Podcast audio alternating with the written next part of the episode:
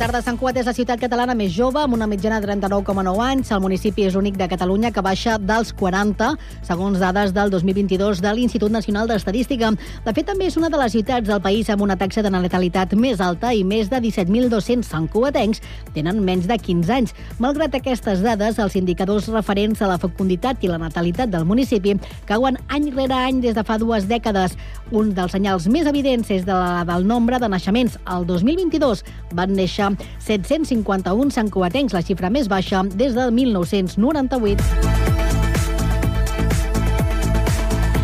La primera escola de l'escriptor, emprenedor social i activista educatiu Borja Vilaseca obrirà portes al curs vinent i ho farà a Valldoreix. Vilaseca, que s'autoanomena agitador de consciències, presenta un projecte educatiu que porta per nom Terra, on s'aplicarà una pedagogia basada en la psicologia de l'innat, on els infants i joves són considerats llavors que en si mateixes contenen tota la informació necessària per desenvolupar-se.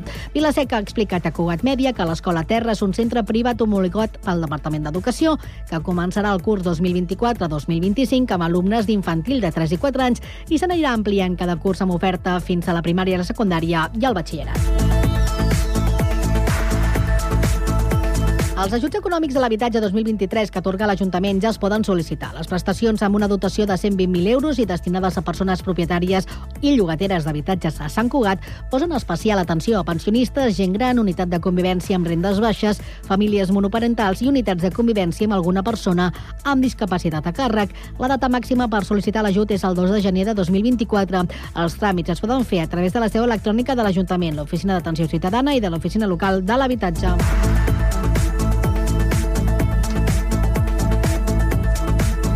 Les entitats esportives, socials i culturals de Sant Cugat, així com també diferents escoles del municipi, han organitzat un total de 13 activitats per participar a la 32a edició de la Marató de TV3, que se celebrarà el proper diumenge 17 de desembre. Enguany, la iniciativa solidària vol posar, sobre, vol, vol posar llum els problemes de salut sexual i reproductiva, trencar els prejudicis, tabús i pors que encara els envolten i promoure la informació i el respecte a la diversitat. A més, la Marató es marca l'objectiu de fomentar una salut sexual sana, responsable i lliure. Res més per ara, la informació torna d'aquí una hora a la mateixa sintonia i constantment internet a www.cugat.cat.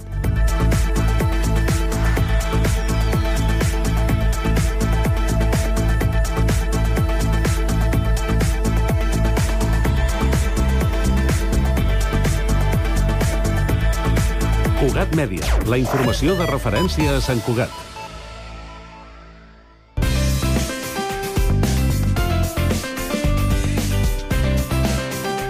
Ràdio Sant Cugat, Cugat Mèdia, 91.5 FM.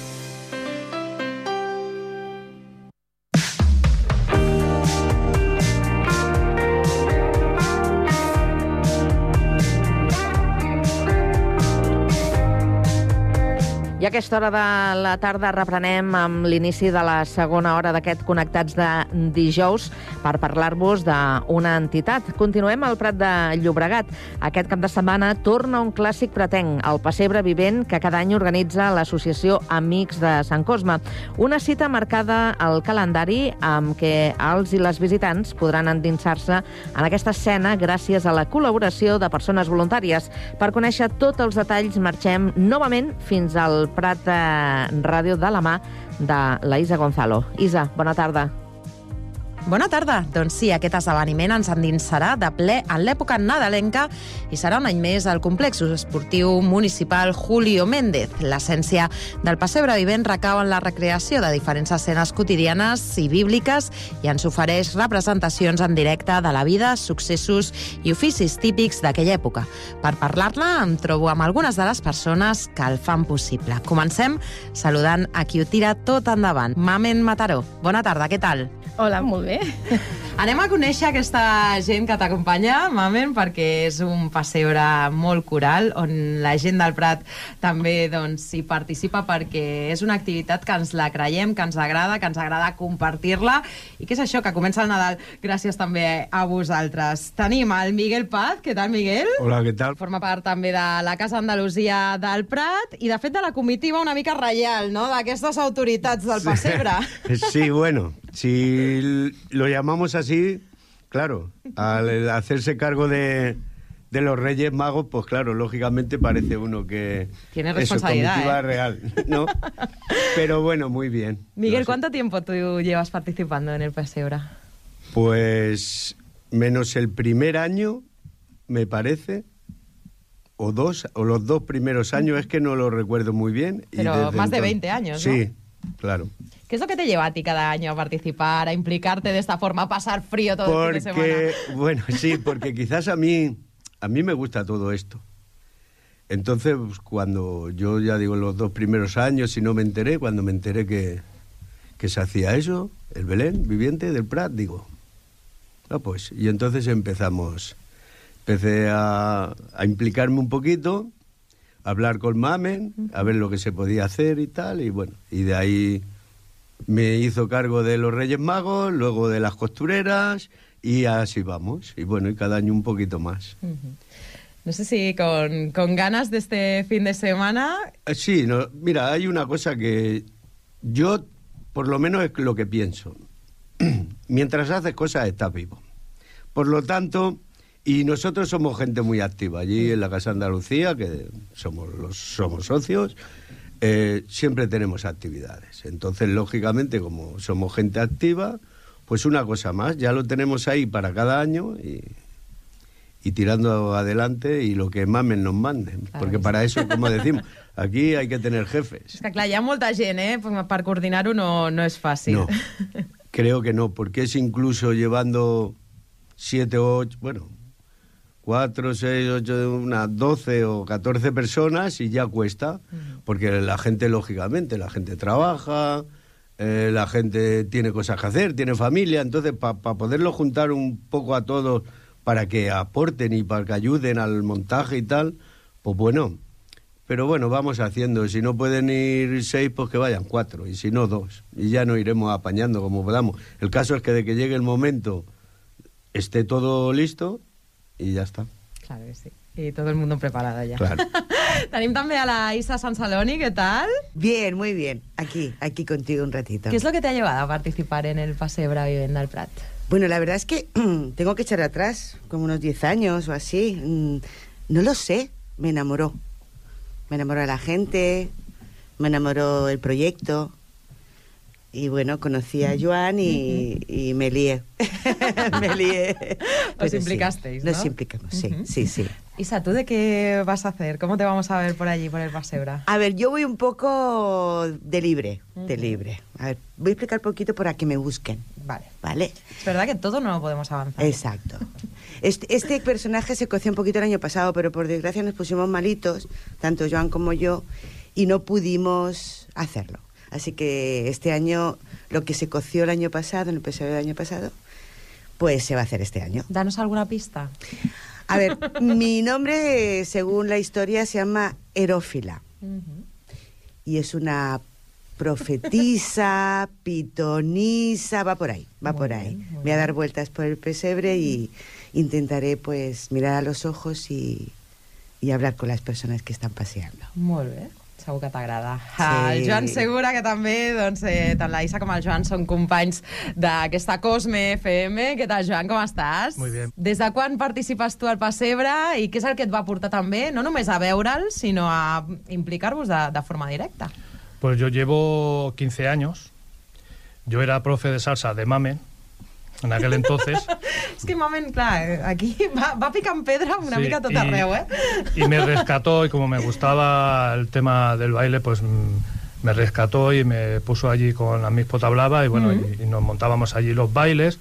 Yo en aquel entonces hacía de Herodes, pero bueno, eh, con el tiempo cambié de, de personaje a un personaje más interactivo, eh, que eh, va- va más con, con las personas.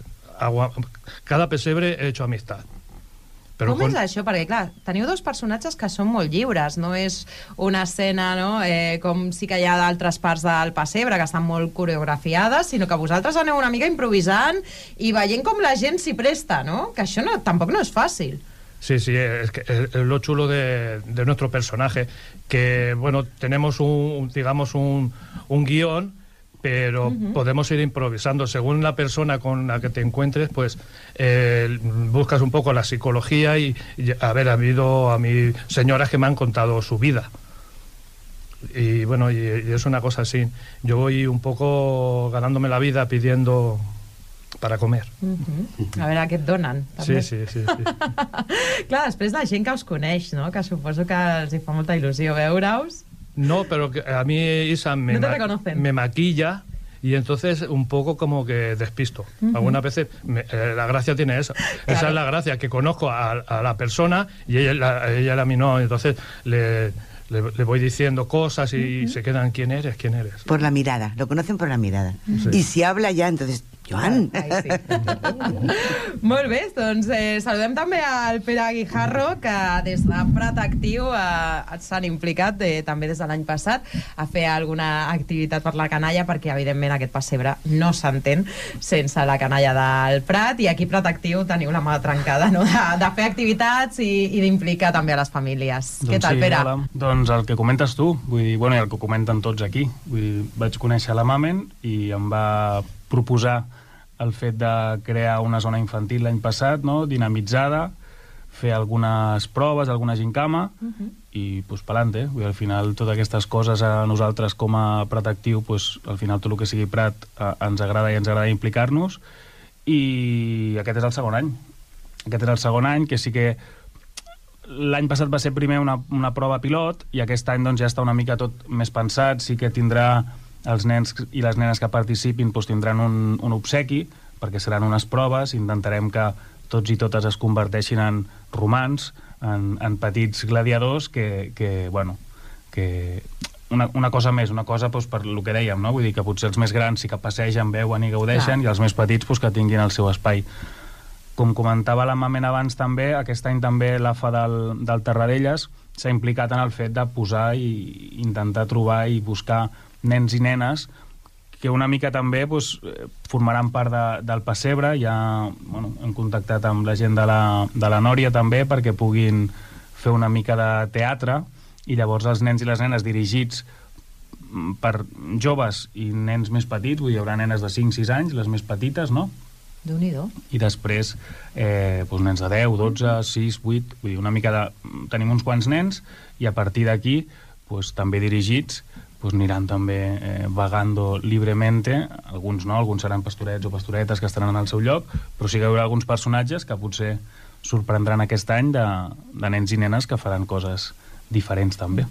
Pere, pel que fa a les activitats, eh, què hem de saber com a famílies? Ens hem d'apuntar un cop arribem? Eh, quant de temps eh, estan pensades? Perquè és veritat que cada cop anem com més quadrats de temps i volem saber una mica què ens espera allà. No, en principi no, en principi és un espai, és un racó, sí que forma part del recorregut, però bueno, hi ha l'opció de que si, no, si vas sense nens, doncs que puguis, puguis passar. És, bueno, és el lloc on estan les banderes normalment del Julio Méndez, on estàvem l'any passat, i, i forma part del camí, però si els pares es poden quedar amb els nens, que és un, és un momentet, tampoc és molta, és molta estona. I, No, no, sí, és ideal, eh? Més que res per, per saber-ho, perquè a vegades, doncs, mira, has de fer una prova que t'implicarà mitja hora, doncs que No, no, no, sapiguem tanta, també. tanta o... estona no, tanta estona no. Sí, són proves molt, molt, molt, són molt petites, són de pocs segons, eh, moltes vegades sí són segons, però el que és important que sí que als, als nens i nenes els hi pujarà l'adrenalina, que és important. Mm. El que volem és que puguin emportar-se'n del pessebre un, record important i pensem que el record doncs, comença amb l'adrenalina, comença amb tindre eh, experiències molt, molt intenses moltes vegades.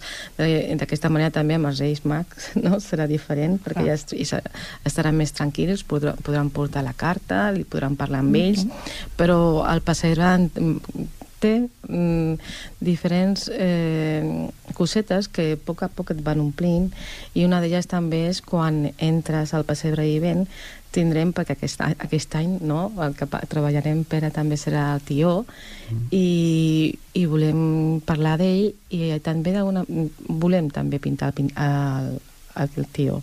El tio no estava representat fins ara, no? A... Sí, sí que el tenien, teníem escenes, uh -huh. però en aquest moment pensem, com l'any passat ja vam parlar, pensem que el pessebre es té que treballar molt per als nens. I per això a l'entrada ens trobarem uns tios que no estan complets.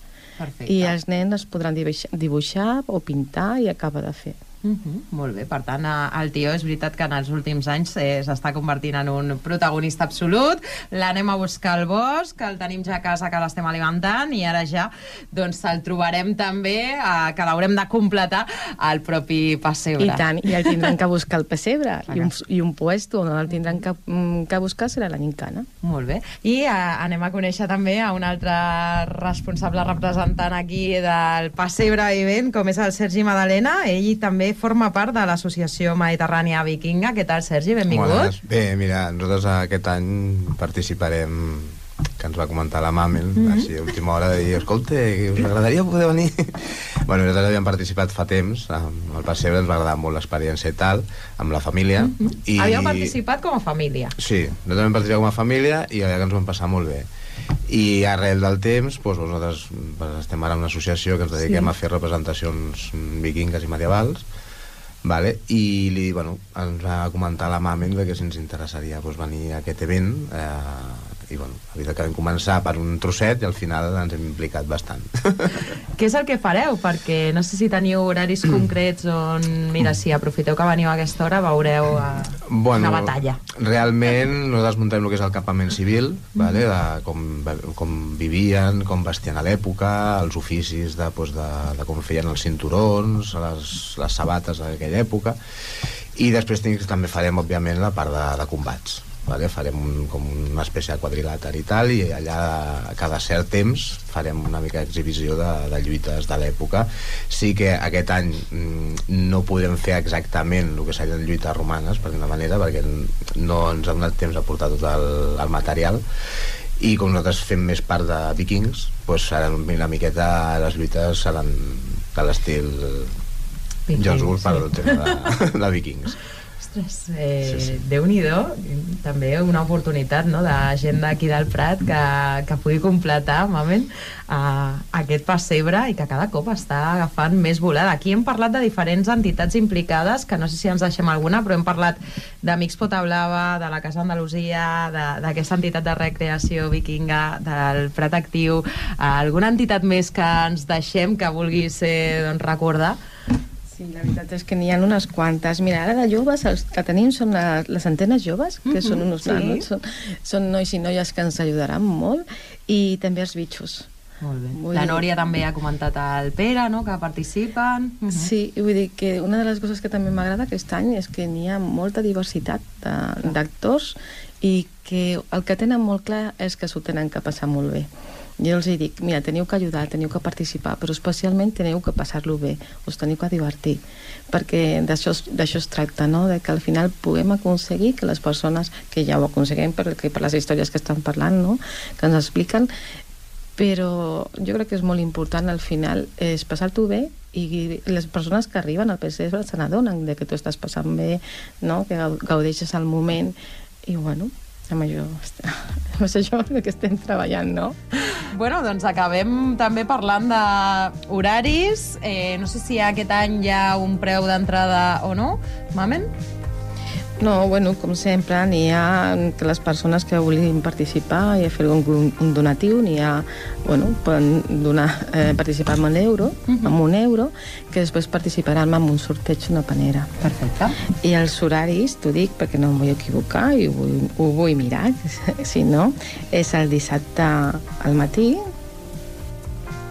Jo tinc d'11.30 a dos quarts de 3 de la tarda i de 5 a 8. Doncs aquests dos dies per poder gaudir de tota la feina que porteu tirant endavant molts mesos eh? I, i molta gent implicada. Per tant, gràcies, com sempre, per oferir-nos l'oportunitat de gaudir d'aquest pessebre vivent. Ja sabeu, Carme, us hi esperem aquest cap de setmana per gaudir conjuntament del pessebre vivent del Prat.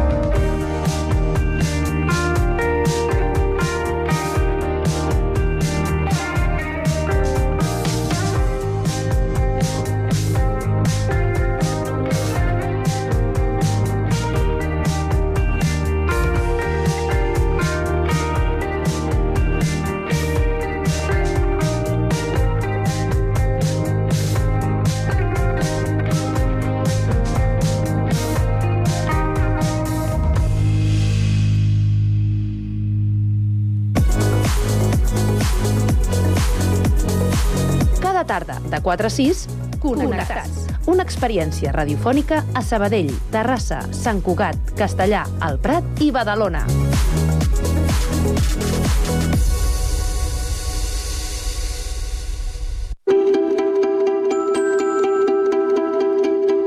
Connecta't al patrimoni.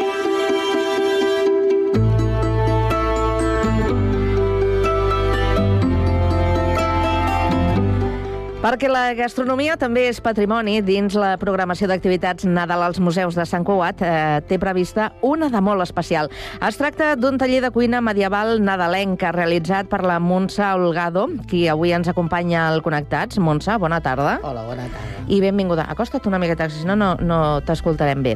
També ens acompanya la Eva Jové, que és la coordinadora del Servei Educatiu del Museu de Sant Cugat. Què tal, Eva? Hola, bon dia, molt bé. Mm, Bé, doncs, suposo que ja ho teniu pràcticament tot a punt. De totes aquestes activitats, avui ens concentrarem únicament en aquest taller de cuina eh, medieval, però m'imagino que heu preparat eh, una oferta àmplia i variada perquè durant aquests dies de Nadal eh, els santcuatencs i santcuatenques estiguin entretinguts, no? Sí, tenim tota una oferta molt variada que ja es pot consultar a l'aplicació de, de Nadal de l'Ajuntament de Sant Cugat i també a les nostres xarxes socials i de més. Està tota, tota la informació allí per fer la, les reserves. Mm -hmm. Bé, doncs eh, després tornarem a parlar amb l'Eva. Ara anem amb la, amb la Montse, que us he de dir que a mi em fa molta enveja, eh, tot el que fa la, la Montse i això que ens acabem de, de conèixer ara. Ella és especialista en investigar, rescatar, recuperar i fer divulgació gastronòmica antiga. És xef multicultural a banda de filòloga catalana i traductora. Escolta, uh -huh. molta cosa, eh? I tot amb molta essència. Això sí, les meves passions. La Molta la essència. Per si algú tenia dubtes de per què avui parlem de cuina en un espai de patrimoni, jo deia, mm, perquè la gastronomia també és patrimoni, oi que sí? Evidentment. Gastronomia és cultura. Sí, sí, a més va superinterconnectat, sobretot també amb, la, amb el monestir, Mm. perquè mm, l'Església, potser ara d'una manera més tangencial, però abans l'Església reglava moltes coses de la vida quotidiana de les persones. Des del moment que, mm, eh, doncs que no podies menjar segons quin tipus d'aliments, a Quaresma, per Nadal, així, i, i és molt interessant. I escolta'm una cosa, aquest taller és la primera vegada que es fa a Sant Cugat, Eva? Sí, sí, aquí al museu és el primer. És el primer cop. vegada. Però tu, Montse, ja l'havies fet eh, Sí. anteriorment? Sí, sí, l'he fet a Cerdanyola, a Barcelona, moltes vegades. Són les fricades que m'agraden, aquestes, cuina romana, cuina medieval, cuina monàstica... Sí, sí. Ostres. Eh. Perquè a més és que... Perdona, eh, que No, no, no, no, t'interrompeixi. Eh, a tu et, sembla, et semblarà que és com molt exòtic, no? Ui, cuina medieval, què deu ser això, no? Doncs no, hi ha un continu en el, en el manuscrit del Sensoví del 1324 ja surt la recepta dels espinacs a la catalana. Ostres. Per tant, hi ha un, un continu que no l'hem deixat pas. Eh, I això em sembla molt interessant i que val la pena que ho fem conèixer. Però en aquest cas, aquest taller de cuina medieval nadalenca eh, se centra en, en el nostre territori, és a dir, està circumscrit a la cuina medieval catalana Sí, o, o de és fet, més ampli? no, no, no, no. De fet, eh, alguna de les receptes que farem són del, eh, del eh, manuscrit de l'Ajuntament... Ai, del, Del costumari, del, no? del costumari medieval dels monjos benedictins al monasteri de Sant Cugat d'aquí, del Ostres. nostre poble. Així també Sí, sí. sabrem com, com menjaven, no? I tant. I com es cuidaven de bé. Es cuidaven Que bé, sempre, sempre, es, cuidaven. sempre es cuiden. Sobretot perquè ells, com a molt, molt bons benedictins, eh, combregaven amb el medita de Sant Benet, que era hora, elabora. Per tant, havien de durar molt, havien de pregar molt, però havien de treballar molt i havien d'estar ben alimentats. Mira, una de les, per exemple, la dieta habitual de- d'un monge podia ser eh, diària un litre i mig de vi, Ostres. et semblarà molt, Eh. però moltes vegades era més sa beure vi que beure aigua. Això m'ho deia el meu avi. I el vi era, era considerat també un aliment i també pel seu poder simbòlic, no? Menja, això, menjava un, vora d'un quilo de pa i uns 100 grams de llegum. No, no és Va. una mala dieta. Pa i companatge, no? Com, com a tot sí. arreu. Sí, sí, sí, sí. Eh, lo del vi simbòlic, eh, s'ho feien venir bé, no?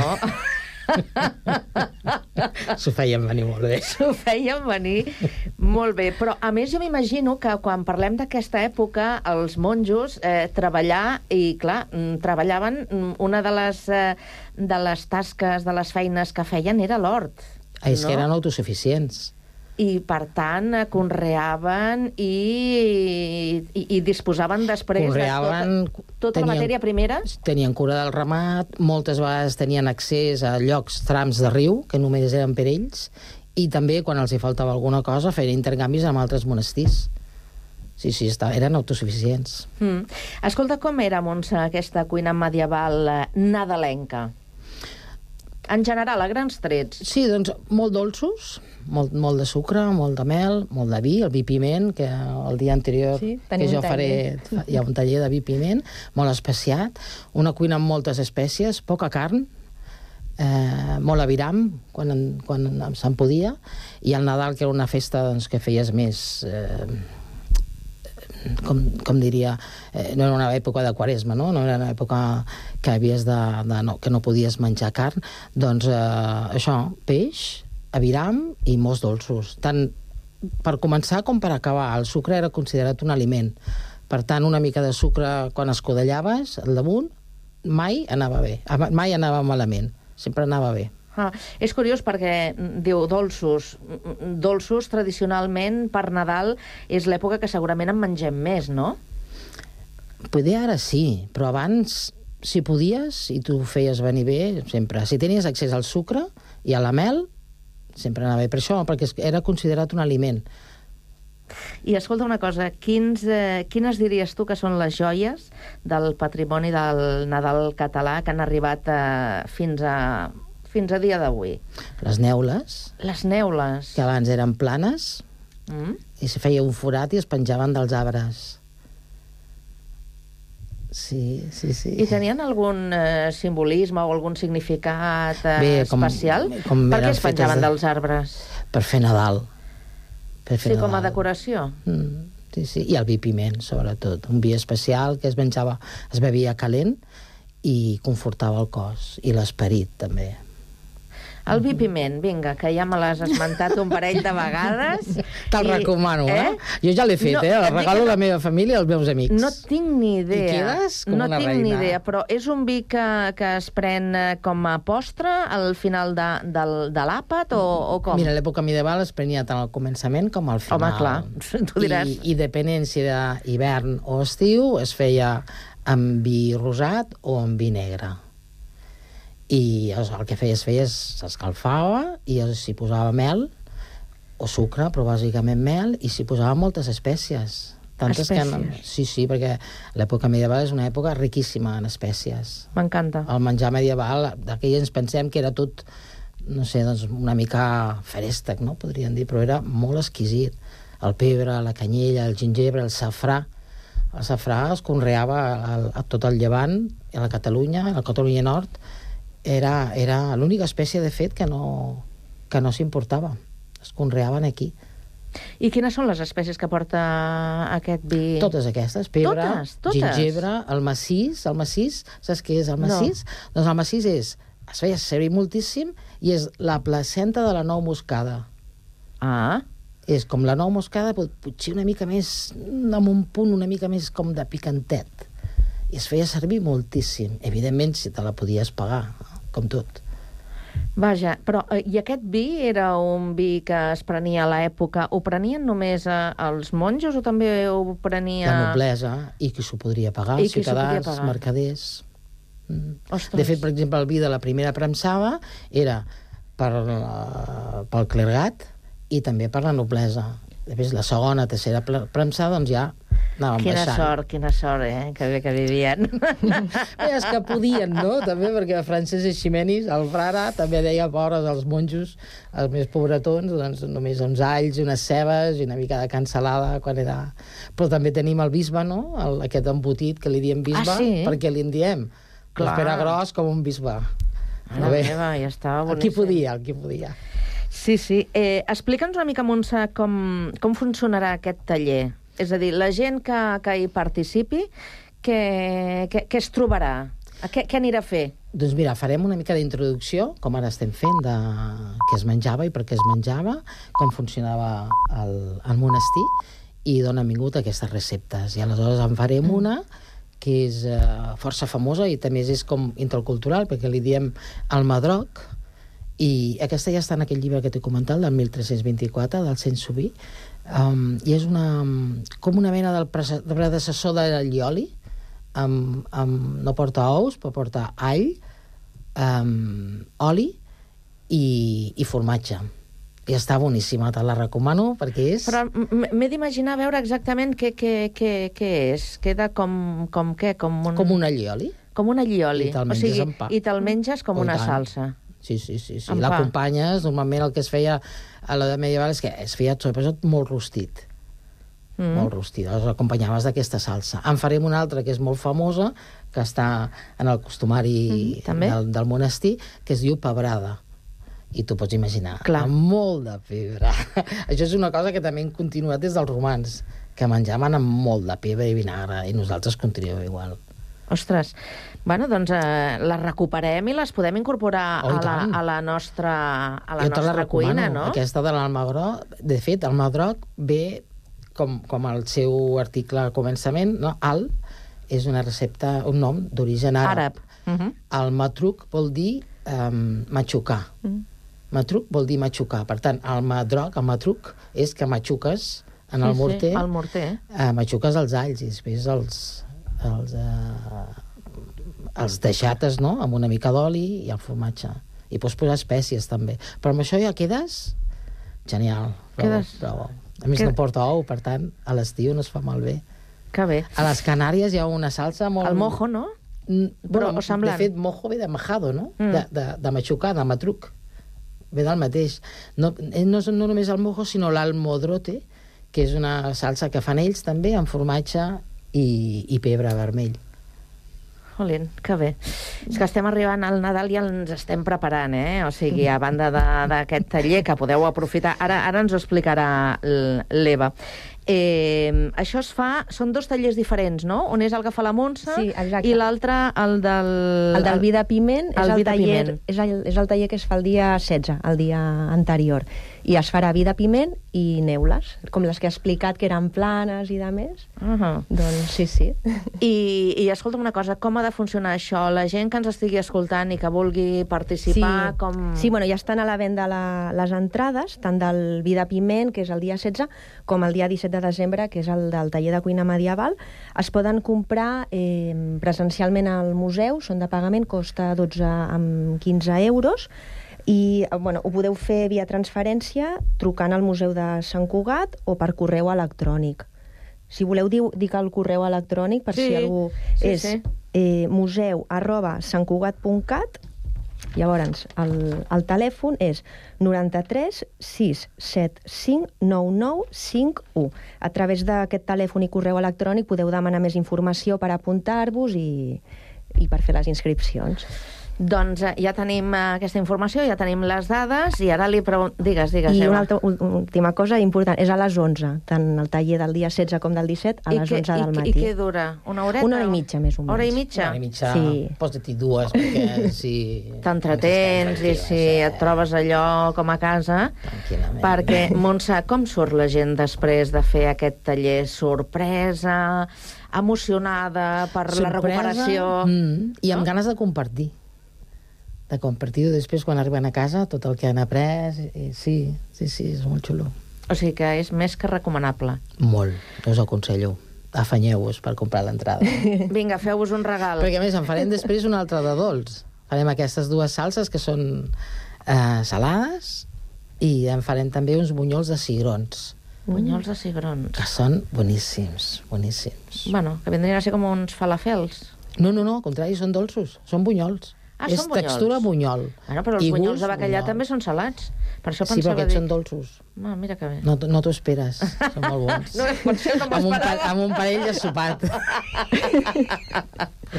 Montse, doncs escolta, ens ha agradat eh, molt eh, fer aquest eh, viatge una mica al patrimoni gastronòmic de, del nostre país i està molt bé que es facin eh, activitats i, I iniciatives com aquestes, no?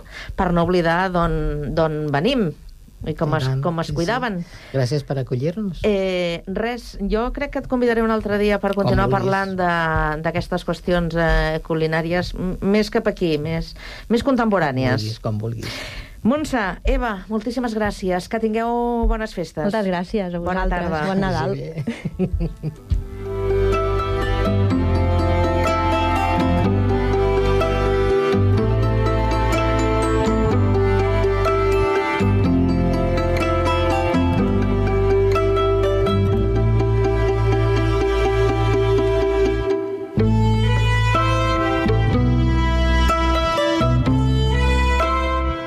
Tal dia com avui de l'any 1968, Eric Burdon anunciava que se separava del grup on ell feia de cantant, The Animals. El conjunt anglès feia sis anys que havien començat a tocar i eren coneguts pel toc de blues que Burdon afegia a les seves cançons. Anys després en van tenir algun retorn a l'activitat, però sempre van quedar representats per la seva versió d'aquest clàssic de folk d'autor desconegut, House of the Rising Sun. There is a house New Orleans.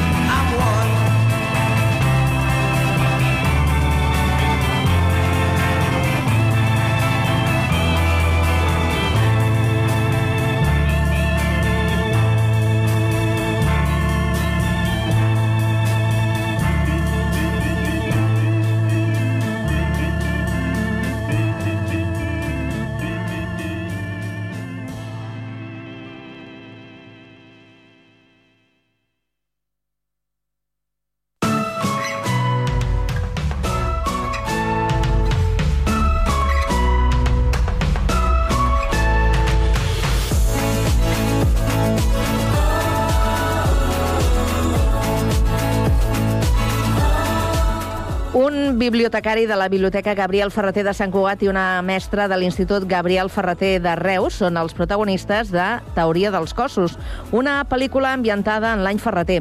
El santcuatenc Joan Ramon Armadàs dirigeix eh, aquest film, la seva primera experiència, davant d'un llargmetratge que s'estrenarà el 27 de desembre als cinemes. Abans que això passi, la fem passar pel Connectats. Joan Ramon, bona tarda. Bona tarda, com va això? Molt bé. I tu què tal? Bé. L'experiència? Uf, déu-n'hi duret, déu Molt, nhi duret. molta, molta, molta feina? Sí, sí perquè no, no som una gran producció i fa que moltes, eh, poques persones hagin de fer la feina de moltes altres, no? Llavors ha, ha estat un procés tant, tant en el moment del, del rodatge i de la preparació com, com ara, en el moment previ a l'estrena, doncs és molta feina, realment. Darrere d'una pel·lícula hi ha moltes persones que treballen, moltes més dels que la, la, la gent es pensa o veu a la pantalla, i, per tant, eh, no negarem que és un procés laboriós i complicat, però a la vegada el fas amb ganes i amb il·lusió perquè no deixa de ser doncs, un petit fillet teu tens que, té, eh, que Això tens segur. com a director doncs, eh, i capità del projecte, està que te l'estimes com si fos un fill gairebé. Segur. Estàs, eh, estàs satisfet, estàs content del resultat final? Sí, sí, sí, la veritat és que sí, perquè, mm, tot i que la comèdia romàntica al principi no vindria a ser el meu gènere de preferit, o no és dels que més consumeixi, Mm. sí que he aconseguit eh, una mica fer-me meva aquesta història i que tots els membres de l'equip, tant a, a, en aquest cas a, a, els actors com tothom que tenim davant i darrere de, de la càmera, uh, s'ho hagin sentit seu. Jo crec que el resultat està molt bé. És una pel·lícula molt per a tots els públics, que pots veure amb la teva filla adolescent, pots veure amb la teva mare, um, i com dèiem, el gènere, malgrat jo no sigui especialment fan, sí que és veritat que tots acabem anant a la comèdia, tard o d'hora, i tots acabem anant en algun moment a la comèdia romàntica. Ens agraden aquestes històries de, en aquest cas, noi coneix noia, passen coses, i tot i que hem intentat donar-li un gir perquè no sigui, bueno, un gir, uns quants, perquè no, sigui la previ- típica pel·lícula, Ja, que no sigui previsible. però en el fons també ens agraden aquestes convencions i aquests clixés que han de passar en aquest tipus de pel·lícules. Mm -hmm. eh, tu estàs satisfet i tens eh, ja inputs de com l'ha rebut eh, part del públic? Ho dic part del públic perquè eh, s'ha preestrenat en, en diferents llocs. Es va preestrenar al Festival Som eh, Cinema de Lleida, al Festival Nacional de Poesia, també es va fer una preestrena a, a Reus, Uh -huh. al Teatre Fortuny, a Madrid també, Uh -huh. i encara queda alguna preestrena. Queda, en queda una última a Sant Cugat, eh, que la farem el 15 de desembre, i que la fem una mica prèvia abans del 27, que és l'estrena comercial, doncs perquè, ja que l'hem rodat en gran part aquí, el boca-orella actui i agafin les ganes, no?, després de, de menjar-nos els torrons i fer cagar el tió, d'anar al cinema a veure una comèdia romàntica en català rodada a Sant Cugat. Ostres, en català. Ostres, sí, és tot una gesta, això. Sí? És difícil després entrenar al circuit? Molt difícil. És molt difícil per, per diversos motius. Uh, primer és difícil arribar-hi, perquè aquest any, que és un any de rècords, hi ha només 13 pel·lícules en català um, si ens posem en els barems de, dels Premis Gaudí. Val? Uh, pot ser que s'hagin fet més, però com que no s'hi han presentat, doncs en aquest cas no, no, diguem, no sumen en aquesta lliga. No? Però vaja, en qualsevol cas, aquest any que és de rècord n'hi ha 13 en català. Uh, D'aquestes, n'hi ha... Bueno, després n'hi ha 25 en, en llengües que no són el català. Per tant, d'aquestes 32 pel·lícules, només n'hi ha 4 que tinguin un pressupost de menys de 500.000 euros, entre els quals estem aquí nosaltres. uh, I llavors, per tant, el fet d'arribar aquí ja és una gesta, però després hi ha la segona gesta, que és arribar als cinemes. Clar, als cinemes, ara estic parlant de la competició, diguem, entre catalans, que és una competició petita, com un país petit que tenim, però clar, als cinemes em, doncs, lluitem amb Napoleón, lluitem amb la pel·lícula de Disney, lluitem amb els apellidos marroquís, lluitem amb Willy Wonka, lluitem amb la pel·lícula que ha guanyat el Festival de Cannes, eh, i cada setmana s'estrenen entre 10 i 15 pel·lícules als Vaja. cinemes. Llavors, Sí, sí, complicat. el problema és que hi ha uh, un excés de producció, o sigui, els cinemes tenen una llau de propostes i que triïn la teva uh, és molt difícil. Però és molt difícil per un motiu, que és que el públic no va veure pel·lícules en català i no va veure pel·lícules catalanes. Ostres, Llavors, clar, hauríem de llavors- fer una estirada d'orelles, no? O, o... eh, entre tots nosaltres el que hauríem Perquè de fer... va, es, fa, es fa bon cinema català. Es fa molt bon cinema Bueno, català. es deu fer de i- tot, I, i, no? i, la, I la mostra és que hi ha, hi ha pel·lícules que funcionen, eh? No? Mm. Jo estic pintant un panorama una mica dramàtic, no? Perquè, però, però, però hi ha pel·lícules que funcionen i des de l'últim cas d'èxit que és el Carràs, que va guanyar l'Os d'Or a Berlín en català i va ser un èxit comercial, però podem trobar altres èxits comercials eh, recents com a, a mm, Escape Room, la pel·lícula aquella que protagonitzava pel, pel Sí. Joel Joan, o aquest any, tot i que sigui en castellà, uh, El mestre que va, que va prometre el mar, que és una pel·lícula que ha anat molt bé, Saben aquell, que és en català, que és una pel·lícula que ha També. anat molt bé a, a cinemes, i després el, el tema és que, clar, aquests són uh, els grans èxits que normalment porten darrere també una, una gran producció, també es poden gastar uns grans diners en publicitat i, i ressò, i són èxits. El que passa que són comptats. I els que realment fan diners als cinemes doncs normalment són les grans pel·lícules de Marvel, les grans pel·lícules de Disney, les grans pel·lícules, en aquest cas, històriques o, o de grans directors com Ridley Scott o Martin Scorsese o Steven Spielberg quan en fa una. I és una mica culpa nostra com a espectadors, Mm. perquè anem a veure totes aquestes propostes, però en canvi no anem a veure el nostre cinema Uh, com si passa, per altra banda, per exemple, amb el teatre o amb la literatura. Sí que hem normalitzat la literatura en català, hem normalitzat el teatre en català, però cinema en català no. I és una, una, un punt pendent, una assignatura pendent que tenim sí, com a societat. Sí, sí, sí. Eh, parlem de, de la pel·lícula. Tu deies, som una pel·lícula de baix eh, pressupost, però, però, però, escolta, tot i així, hem de dir que teniu cares conegudes, sí. eh, com eh, el Miquel Sitjà, que és el cap de, de la Biblioteca Gabriel Ferreter, la Ivana Miño, que és professora, la professora de, de literatura catalana. Eh, com has treballat eh, amb, amb ells? Com ha sigut? Doncs uh, amb ells dos jo hi havia treballat abans. Mm. De fet, uh, uh, ells dos són la parella protagonista d'un curtmetratge que vaig fer basat en un poema de Gabriel Ferreter. Llavors, d'alguna manera, van voler donar continuïtat a... No, no a la història, perquè és una història totalment diferent, però sí una mica al projecte, no? Amb el Miquel havia fet molts curtmetratges i moltes coses abans, i amb la Ivana només aquest. I veient aquest curtmetratge, que es diu La dona i els dies, uh, van veure que en pantalla tenen una química especial d'aquesta que, que no la pots planificar.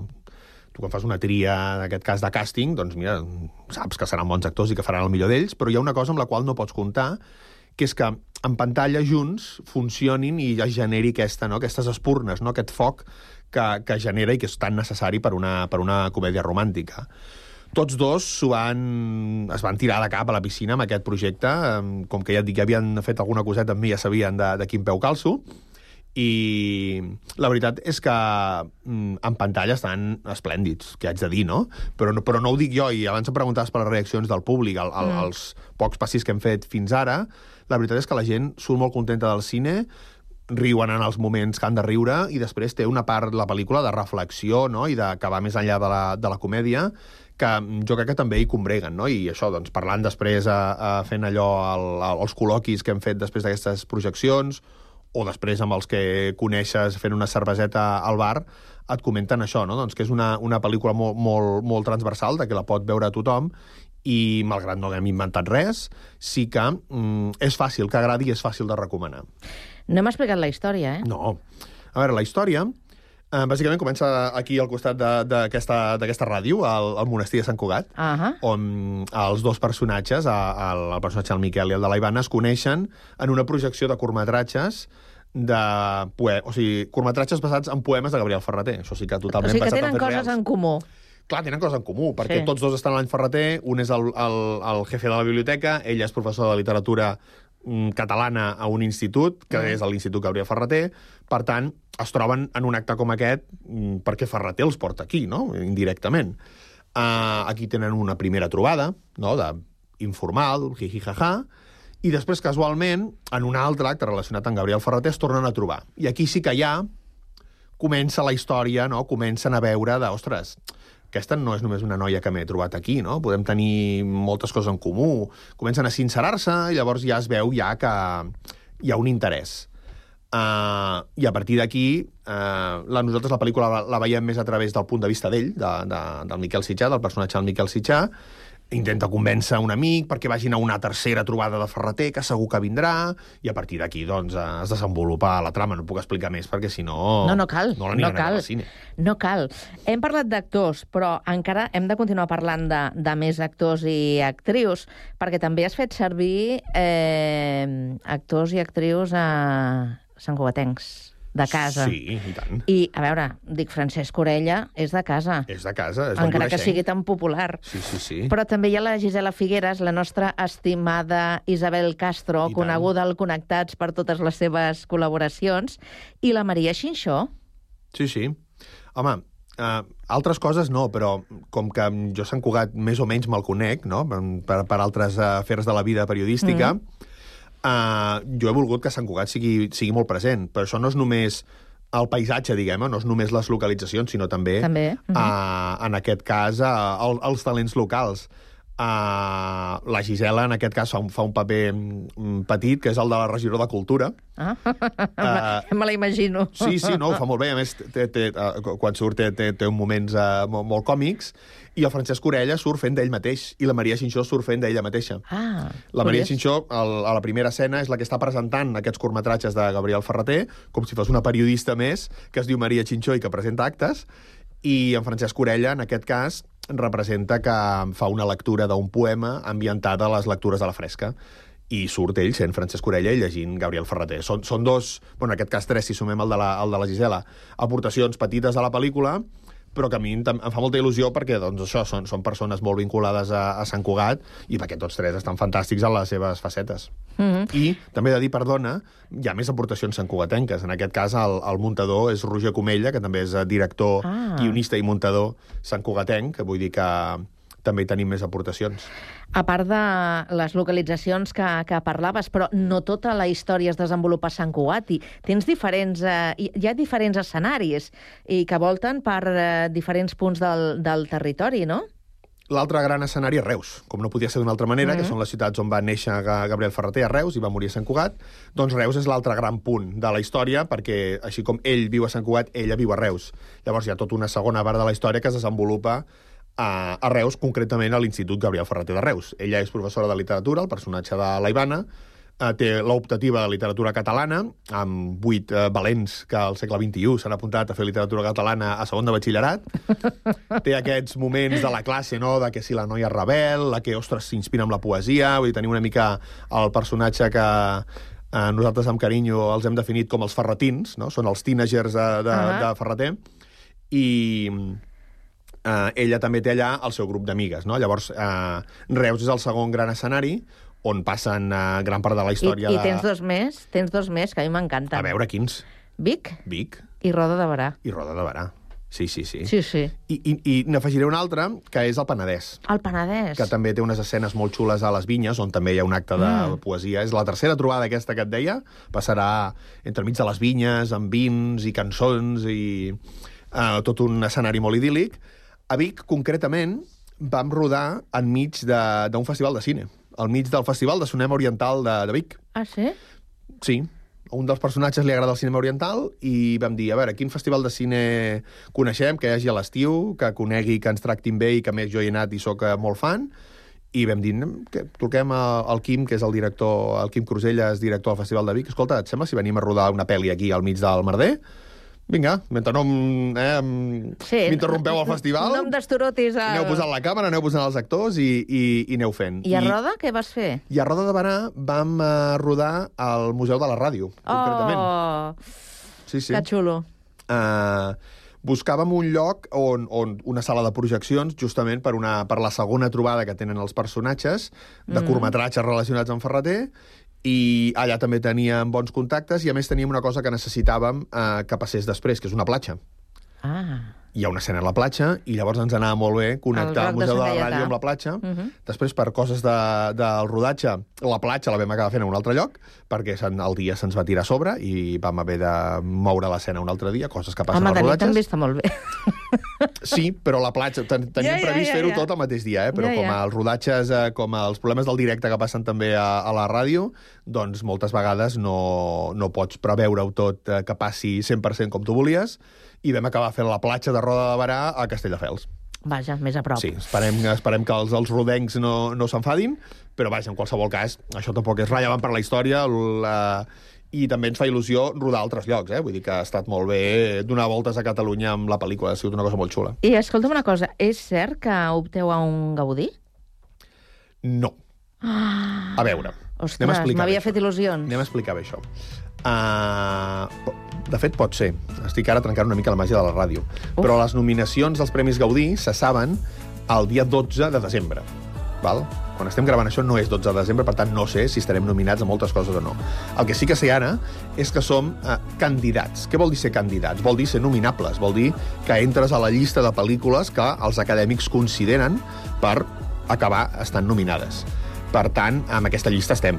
Llavors, eh, jo entenc que la terminologia confongui, Optem a un Gaudí? Home, optem, ara que estem, a la, diguem, hem passat el primer tall, sí, però clar, el dia 12 de desembre se saben els que opten a la, a la, a, a la estatueta final, no? els nominats a cada categoria.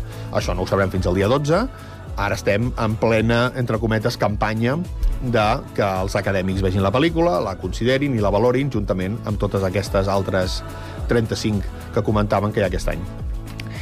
Joan Ramon, espero que vagi molt bé eh, l'estrena de la teoria dels cossos. Avui n'hem eh, parlat, ens hem avançat eh, una miqueta, l'estrena del dia 27. Eh, esperem a veure què tal eh, l'ha rebut el, el públic. Que vagi molt bé. Moltes gràcies. Bona tarda.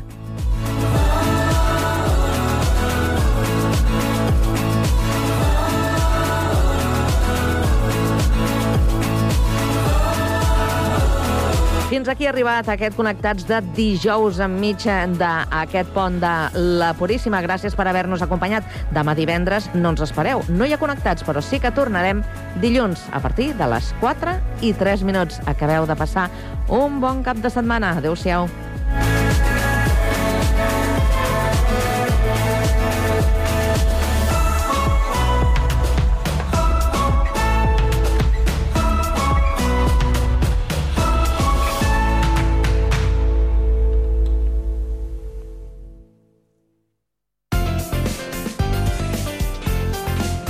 Ràdio Sant Cugat. Cugat Mèdia. La banda sonora de la teva vida. Jukebox de nit.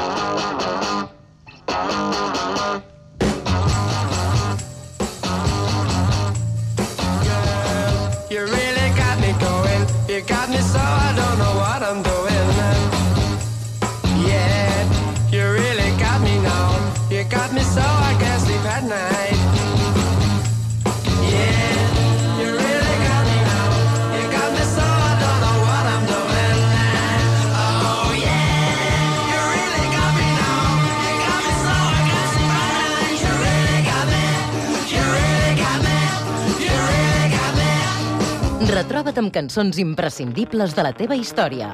Jukebox de nit.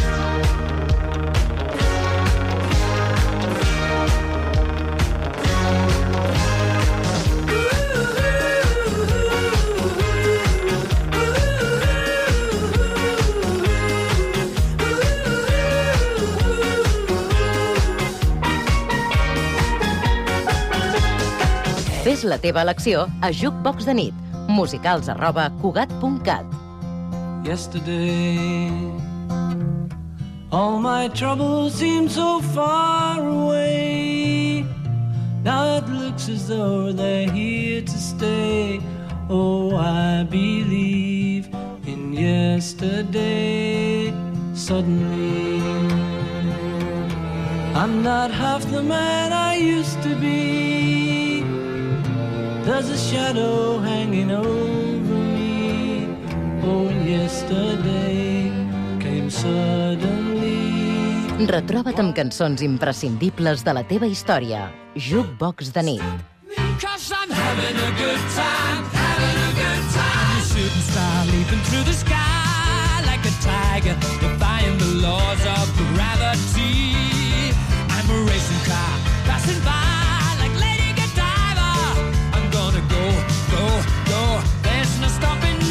la banda sonora de la teva vida, Jukebox de nit.